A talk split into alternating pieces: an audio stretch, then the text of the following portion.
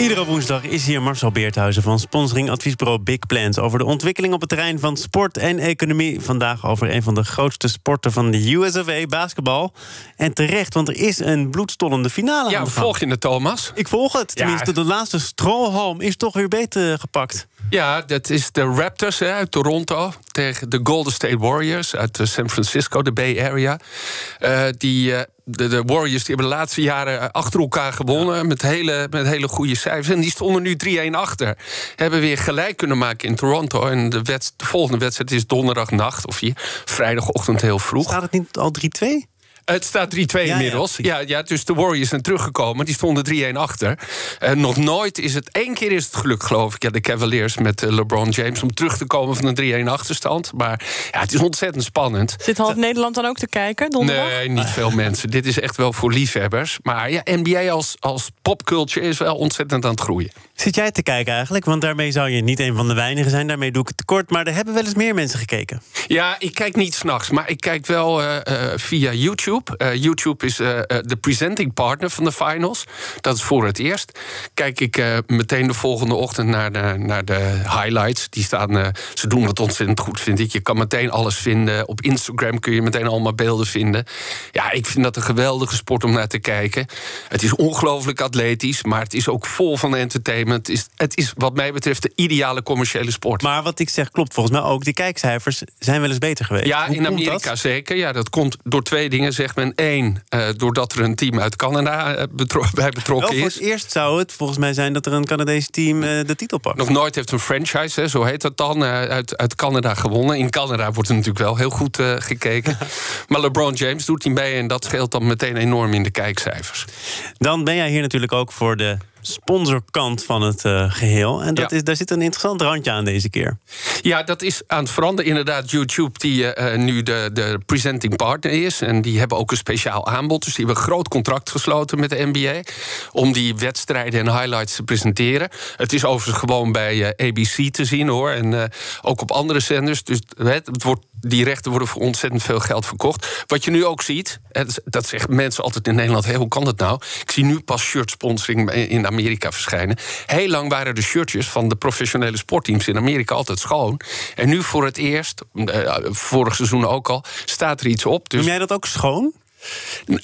Schoon, als- ja. ja. Nou, tenminste als iemand die er toch voor moet zorgen... dat er af en toe wel iets op die Nou, shirtjes ik staat. vind dat heel veel sport in Nederland heel vuil is. Ja. Heel smerig, heel, heel vol met allemaal namen.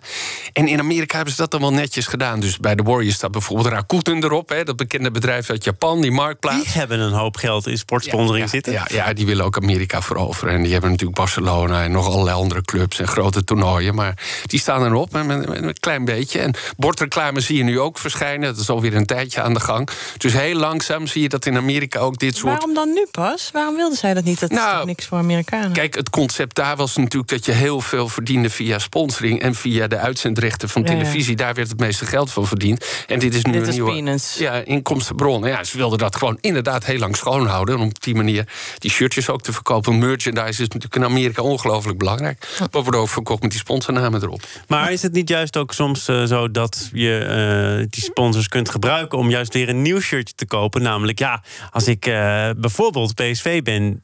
Fan ben, Ja. dan wil ik eh, niet voor eeuwig met een Philips eh, shirtje eh, lopen, maar ook met dat van de nieuwe sponsor. Ja, want soms is het shirtje weer veranderd. Ja, dat is, dat is zo. Maar er zijn ook mensen die heel erg hechten aan het shirt wat ze ooit gekocht hebben. En waar, waar ze allemaal succes in hebben beleefd. hè. Dat zag je bijvoorbeeld bij de, bij de huldiging van Ajax op het Museumplein. Daar zie je natuurlijk Ziggo erop staan. Maar je ziet ook nog shirtjes met Egon en ook nog ABN AMRO. En zelfs TDK. TDK, ja hoor. Weet je wel, dus Ja. Ik, ja, dat zou je bij... nou, PSV is dan vooral Philips geweest. Daar Maar krijg je misschien meer voor tegenwoordig, voor die oude Ja, die zijn geld waard, ja. Hey, maar eh, Marcel, je kijkt dus op YouTube naar de highlights. Je bent ook gewoon enthousiast over eh, hoe de NBA zaken regelt. Ja. Hè? Over, over medezeggenschap, over Ja. eh, de- hoe de sport ervoor staat. ontzettend goed georganiseerd. Het is echt, kijk, in Amerika is American football nog steeds by far de nummer één sport. Maar je ziet wel dat die NBA ook qua gemiddelde leeftijd van de kijkers het jongste is, maar ook enorme aantallen bereikt.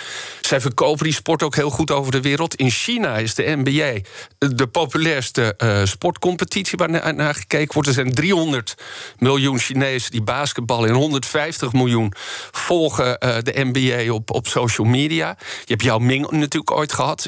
Zij doen dat geweldig. En ook de manier waarop ze omgaan met de spelers bijvoorbeeld. In American football mag een sporter eigenlijk helemaal niks zeggen.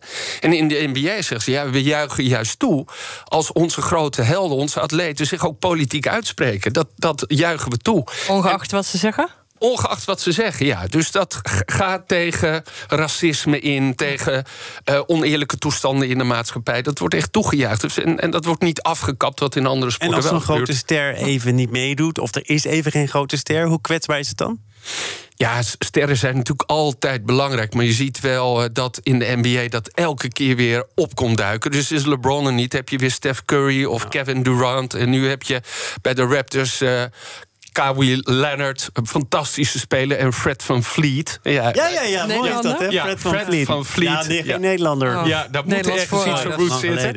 Ik heb het niet uitgezocht, maar... Uh, Zou Nederland toch ook wel helpen als er weer uh, iemand van 2,24 meter opstaat... met de naam Rick Smits of ja. uh, soortgelijke talenten en ja, lengte? Francisco Elson hebben we natuurlijk gehad. Ja, en, en, ja, in Nederland, ze zeggen al, de basketbal is een sleeping giant.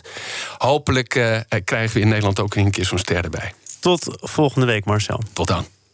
BNR Meer zien? Ga naar bnr.nl.